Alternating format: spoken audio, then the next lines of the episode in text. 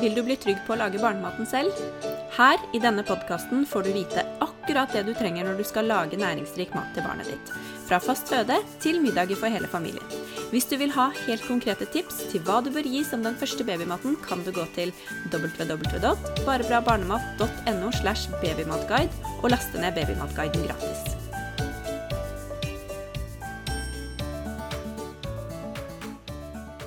Hei og velkommen til Barbara Barnemat-podkasten. Og i denne episoden så får du vite alt om kosttilskudd til barn, hva du må tenke på når du ammer, når du delammer og når du gir morsmelkerstatning.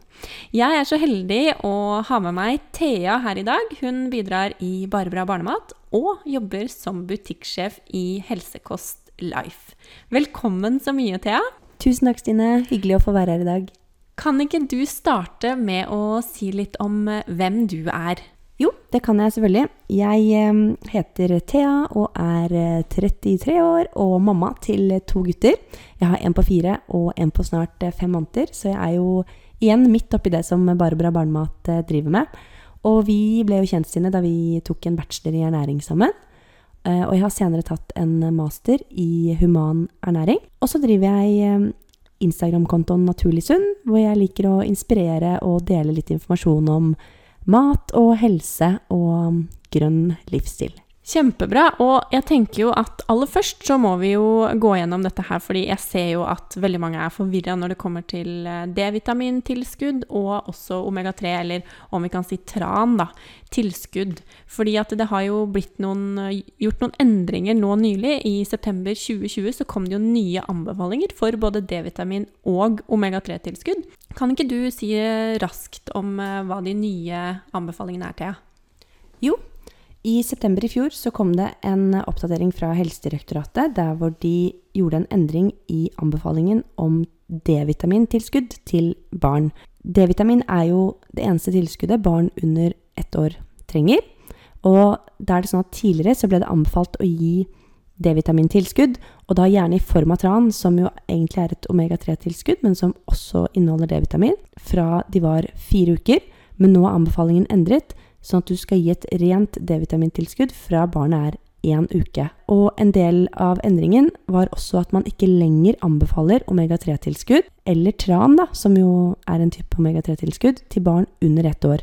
Så nå skal du også kun gi D-vitamin til barn under ett år fra de er én uke. Anbefalingen på dose er den samme som før, det er 10 mikrogram. Og hva med oss som ammer, da? Er det samme anbefaling for eh, oss?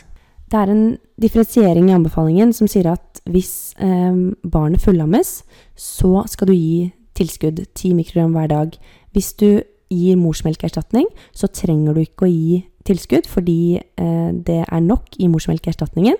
Og hvis man delammer, altså at man både ammer barnet litt og gir litt erstatning, så må man redusere litt på mengden tilskudd, og det må man på en måte regne ut av, basert på hvor mye tilskudd man, man gir. Og det finner du jo i innholdsfortegnelsen på tilskuddet. Og så er det jo, det er jo mulig å dekke det, disse behovene gjennom maten, eller er det ikke det? Er det derfor vi får eh, anbefalingene om å gi tilskudd, og hva er på en måte forskjellen mellom å få det via tilskudd og gjennom maten? Ja, det er som du sier, eh, det er ikke så veldig mange som klarer å dekke behovet for D-vitamin via mat. Eh, og det er derfor vi anbefales tilskudd, for vi voksne anbefales jo også tilskudd med D-vitamin. Eh, men for barna så er det sånn at eh, vi klarer ikke å, å ha tilfredsstillende, behov, nei, tilfredsstillende, nivåer i morsmelken, og det er derfor barna anbefales eh, tilskudd. For oss voksne så er det jo sånn at vi burde ta det spesielt i vinter- og høsthalvåret. En huskeregel kan være at D-vitamin er lurt i de månedene med R i navnet, altså fra september til april. Mens for eh, små barn så må man jo gi det hele tiden, fordi eksponeres jo ikke for solen på samme måte som vi ofte gjør i sommerhalvåret. For spedbarn skal man jo holde ute av solen, så de trenger tilskudd da hele året. Ja, for det gjør jeg også. Jeg eh, tar ikke tilskudd selv i sommermånedene, om jeg kan si det sånn. Nei, og det er jo fordi at solen er jo ellers vår viktigste kilde til D-vitamin. Og du som da eksponerer deg litt for sol, du får jo eh, D-vitamin fra solen de månedene den er her, da. Men eh, dette med tilskudd og versus å få det gjennom maten. Kan vi ikke snakke litt om eh, fisk og omega-3-tilskudd? Fordi selv om ikke det er anbefalt til de minste, så er det jo mange som gir det fra ett år. Og det skal man jo også gjøre hvis man ikke klarer å dekke omega-3-anbefalingene, da. Ja, det er som du sier at fra ett år så kan man jo ta en vurdering på om man klarer å få i seg nok omega-3-rike mm, matvarer, eller om man da skal supplere med et tilskudd. Og man kan jo selvfølgelig også gjøre en kombinasjon der. Og gode kilder til omega-3 i kosten, det er jo uh, enten de vegetabilske kildene, sånn som linfrø, valnøtter, chiafrø, raps f.eks. Eller så har du de animalske eller marine kildene, altså, altså hovedsakelig fet fisk, sånn som laks og ørret, makrell, sild eh, og sardiner. Eh, og krill kan også være en kilde, faktisk. Og så er det jo kommet algeolje som et tilskudd, da. Som man kan gi eh, som et vegetabilsk eh, alternativ. Men det er jo klart at eh, når man får det fra maten, så vil man jo alltid få på en måte tilleggsstoffer som vi jo både, altså både kjente og ukjente, som vi kanskje fortsatt ikke vet om, ikke sant? som kan være gunstig for oss. Og det vil man ikke alltid få fra tilskudd, men på den andre siden så kan du jo si at du kan få stoffer fra maten som er uønsket, sånn som f.eks. miljøgifter. Og det vil jo ikke få i samme mengde i tilskudd, fordi man renser oljen godt når man lager et tilskudd. Og det finnes jo selvfølgelig ulike Altså, oljene kan være ulikt renset, da. Noen er bedre renset enn andre, og det har jo noe å si for kvaliteten. Det kan vi jo komme mer inn på senere. Ja, fordi at eh, det er jo litt omdiskutert, det her eh, med miljøgifter i fisk. Og anbefalingene fra Helsedirektoratet er jo fortsatt at man skal spise to til tre porsjoner fet fisk i uken. Mens EFSA har jo kommet ut med en rapport, det begynner å bli en stund siden nå faktisk, hvor de da påpeker at enkelte miljøgifter kan det bli for mye av for eh, barn. Altså så lite som 90 gram hvis du har en ettåring, så er det så lite som 90 gram laks som skal til i uken før man overskrider det som heter akseptabelt daglig inntak. Så her må man jo bare gjøre en vurdering, og så får man jo da eventuelt, som du sier, da, til å gi et eh, renset tilskudd, og kanskje også tenke på mengden fisk, da. Det er i hvert fall det jeg gjør. Jeg vet ikke om du eh, gjør det samme? Ja, jeg gjør jo det. Jeg gir både litt um, fetfisk, uh, ulike varianter, men jeg supplerer også med et, et godt uh, tilskudd. Og det er som du sier, bl.a. pga. det med miljøgiftene. Der Man driver jo hele tiden og vurderer at fisken er en kilde til miljøgifter, som er uheldig for oss over tid, men oppimot det at det også er en god kilde til omega-3. Det er jo sånn at uh, det finnes ikke noe helt konkret liksom, tallfestet anbefaling på hvor mye omega-3 vi skal få i oss, men vi sier at vi skal ha én energiprosent da, av det vi spiser. Det er ikke så veldig lett å forholde seg til, men derfor har man laget en konkret anbefaling på inntak av gode kilder, som jo da er fet fisk. Så man sier til voksne så skal man jo spise to til tre porsjoner, som du sa, med eh, fisk i uken, hvorav 200 gram, eh, altså det tilsvarer um, 350-400 gram i uken, og hvorav 200 gram bør være fet fisk. Og da kan man jo tenke at um, det er det samme behovet hos barn. De, de skal spise ca. to til tre porsjoner i uken. Det kan jo være middager, eller det kan være pålegg. Fisk som pålegg. Laksepålegg eller uh, makrell i tomat f.eks. Og hvis man ikke får i seg det, så er det eh, lurt, og ikke minst nødvendig, da, med tilskudd. For dette er jo eh, omega-3-fettsyrer er jo helt nødvendige fettsyrer som vi må ha tilført via kosten. Og så kan jeg jo nevne det at um, forskjellen på um, de vegetabilske og de marine eller animalske fettsyrene, omega-3-fettsyrene, det er at de vegetabilske de er litt kortere. De animalske, de som kommer fra fisk, der får man direkte de lange fettsyrene som heter EPA og DHA. Og da er det kanskje spesielt DHA som man er veldig opptatt av at barn skal få i seg tilstrekkelig av. Eh, gravide også, for den saks skyld, for det er viktig for utviklingen av nervesystemet vårt og hjernen, bl.a. hos barn. Og det som er viktig å vurdere hvis man eh, bruker vegetabilske tilskudd, det er at eh, kroppen kan selv omdanne disse litt kortere vegetabilske fettsyrene til de som er litt lengre, som man direkte får fra fisk. Men denne omdanningskapasiteten den er veldig lav i kroppen. Så derfor kan det være nyttig å ta tilskudd med fiskeolje eller en annen marin kilde. Da. Det finnes et alternativ som har kommet nå, og det er omega-3 basert på alger. Eh, og det er jo et eh, plantebasert vegansk alternativ, og da får man direkte de samme lange fettsyrene som man ellers får fra fet fisk. Ja, så bra, for det er jo Nå begynner du å snakke om eh, oljer fra annet enn fisk, og det fins jo ulike typer omega-3-tilskudd, og det er jo også et hav av tilskudd sånn generelt, og jeg føler i hvert fall at det spesielt er et hav av omega-3-tilskudd. Det er så mye å velge i, og nå har jo jeg landet um, vi har jo til Barnematfabrikken laget et sånt eh, kosttilskuddhefte til barn. Så vi har gjort litt research på det her i forkant. Og jeg har jo landet på å bruke den eh, Omega Cure, blant annet. Eh, som er et godt produkt, og det er vel du også enig i. Men hva er det på en måte man bør se etter et, når man skal velge et godt produkt? Fordi det er vel sånn at det ikke er noe sånn sikkerhetsorgan som på en måte kvalitetssjekker alle produktene som kommer på markedet. Så det blir litt sånn opp til oss som forbrukere å finne ut hvilke produkt som er bra. Er det ikke sånn? Jo, produsenten er jo ansvarlig selv for å lage på en måte trygge produkter. Eh, og det finnes, som du sier, veldig mye forskjellig å, å, å, velge mellom. Og man blir jo for det første forvirret av dette med vegetabilske og animalske kilder på omega-3-tilskuddsfronten. Og så tror jeg også man kan bli forvirret av at regelverket kan endre seg. For så ga jeg en helt annen olje til min sønn for fire år siden, eh, som det på en måte ikke lenger er anbefalt å gi, fordi regelverket har endret seg. Det er noen tilsetningsstoffer som, man, som fins i det produktet, som er på en måte satt til for å gi enten litt smak eller for å konservere produktet, eh, som ikke lenger er anbefalt til barn under tre år, f.eks. Men det som er viktig å se etter, det er en olje av god kvalitet. Og eh, jeg vil for det første anbefale å velge et, et, flytende tilskudd, fordi da kan du med en gang kjenne om oljen er harsk eller dårlig. For Harsk eller dårlig olje, det smaker skikkelig vondt, og det er absolutt ikke godt for oss. Da er det bedre å, å stå over.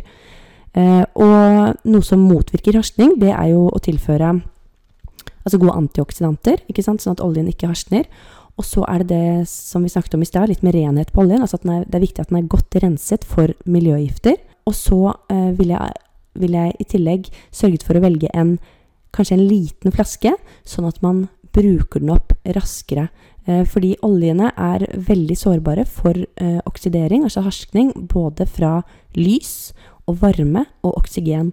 Og med en gang du åpner en flaske, så vil den eksponeres for alle disse tre faktorene, og harskningsprosessen vil starte. Så Derfor er det lurt å bruke opp oljen så raskt som mulig. Eh, når du velger et produkt, da, så vil jeg anbefale at du også velger noe som hele familien kan ta, for da vil du for det første få brukt den opp raskere, og for det andre så vil du ikke minst være et veldig godt forbilde for barna dine, sånn at man i familien tar det samme tilskuddet.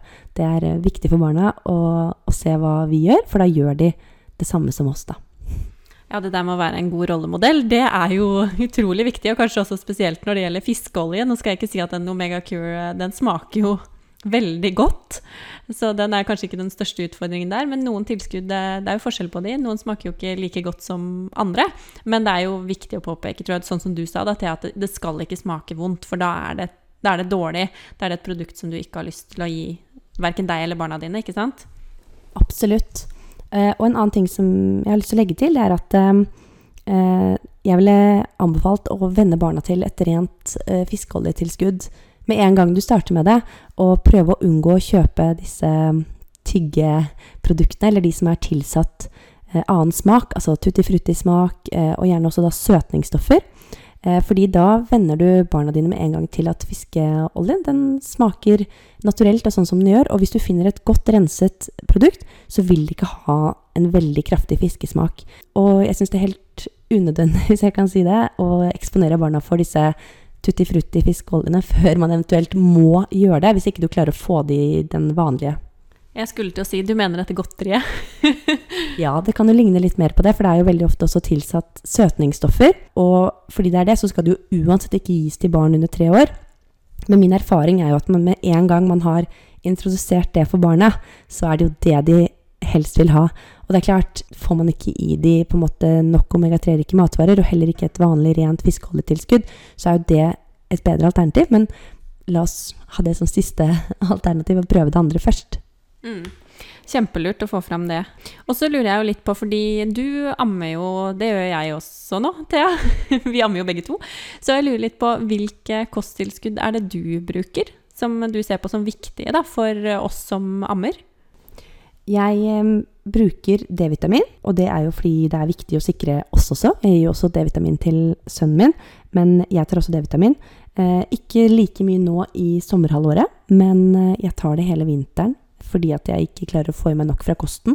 De færreste klarer å dekke dette behovet fra kosten, men gode kilder der er jo eggeplomme, smør, eh, fet fisk inneholder litt, og det kan også være i berikede meieriprodukter, sånn som melketyper og noen plantemargariner f.eks. Men eh, for de aller fleste så trenger man D-vitamintilskudd. Og i tillegg til D-vitamin så tar jeg et omega-3-tilskudd. Det er også fordi jeg vet at jeg ikke klarer å få i meg de 350-400 grammene med fet fisk. Eh, men jeg gjør en kombinasjon. Jeg spiser litt fet fisk, og jeg tar et fiskeoljetilskudd. Og så tar jeg eh, litt forskjellig tilskudd av fiskeolje. Jeg bytter litt på hvilke jeg, hvilke jeg tar, for å få det på en måte så likt som mulig som maten. Da. At man spiser variert, og så varierer jeg også litt mellom de ulike tilskuddene man tar. For det finnes jo, som jeg sa, både eh, marine oljer, altså basert på fisk. Eh, det finnes eh, basert på planter. Det finnes også altså alger. Det finnes også basert på krill, f.eks. Og det finnes basert på sel. Det er liksom de ulike tilskuddene man har, da. Så jeg bytter gjerne på de ulike for å variere litt, rett og slett. Fordi sammensetningen av omega-3 i disse produktene er også litt forskjellig, og det tenker jeg bare kan være, være fint, da. At det er litt forskjellig. Og i tillegg til D-vitamin og omega-3 så tar jeg et eh, jodtilskudd. Og det er fordi jeg også der vet at jeg ikke klarer å få i meg den anbefalte mengden med meieriprodukter og hvit fisk, som man kan finne helt konkret på Helsedirektoratet sine sider. Og det viser seg jo at fertile kvinner i min aldersgruppe får i seg for lite. Veldig mange får i seg for lite. Både de som ikke er gravide, men også de som er gravide, og de som ammer. Så der tar jeg tilskudd. Og så tenker jeg at jeg kan si at eh, eh Veldig ofte så tenker man på enten-eller. Altså man må ta tilskudd eller ikke, men man kan gjøre en kombinasjon. ikke sant? Man trenger ikke å ta det hver dag. Man kan ta det annenhver dag. Man kan ta en halv dose. Man kan ta det hver tredje dag eller en gang i uken. Mm.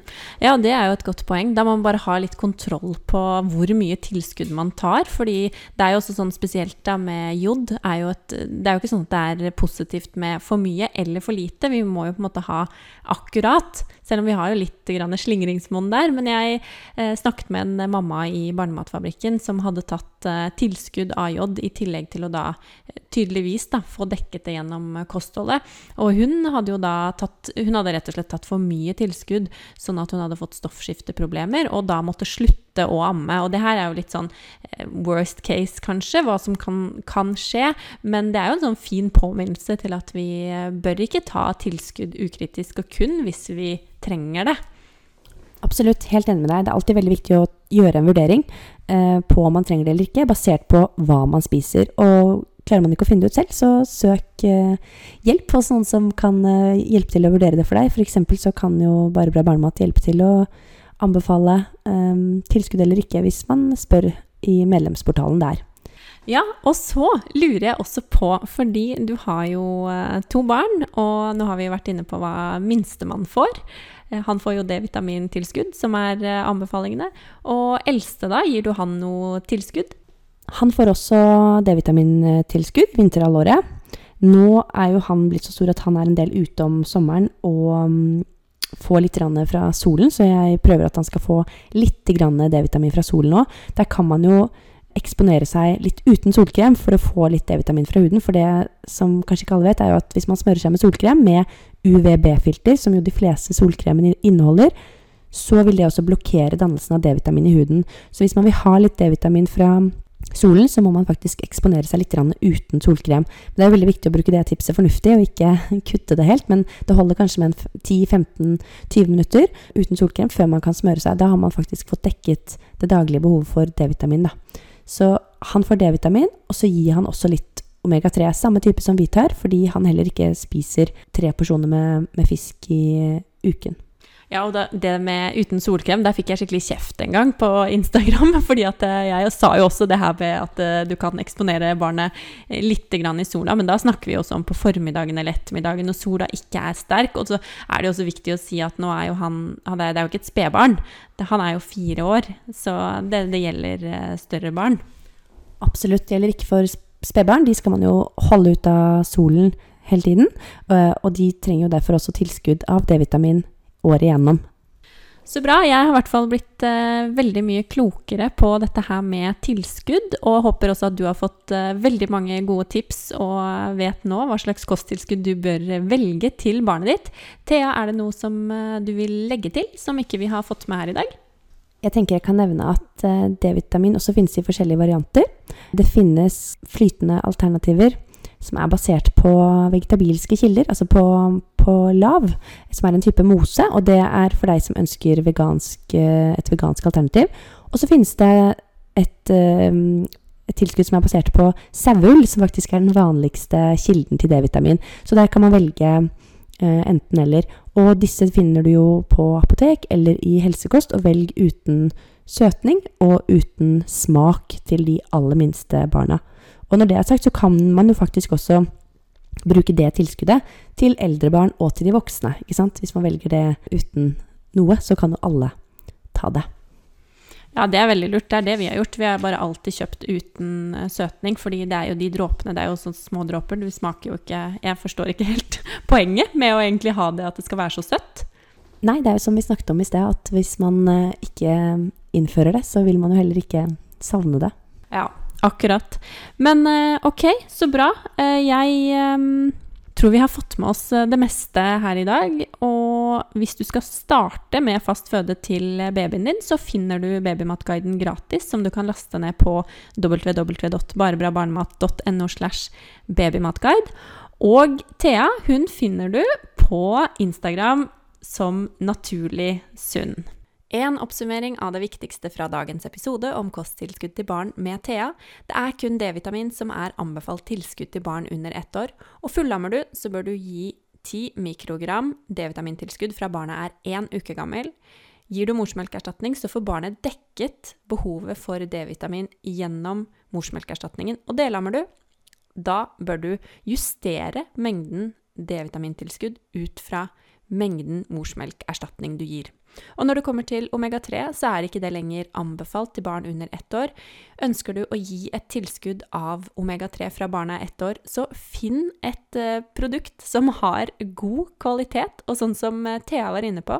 Et godt tips der var å gi det til hele familien, fordi da unngår du at det står åpent lenge, og at produktet blir dårlig. Dårlige fettsyrer er jo noe vi absolutt ikke vil få i oss, og i hvert fall ikke få i barna våre.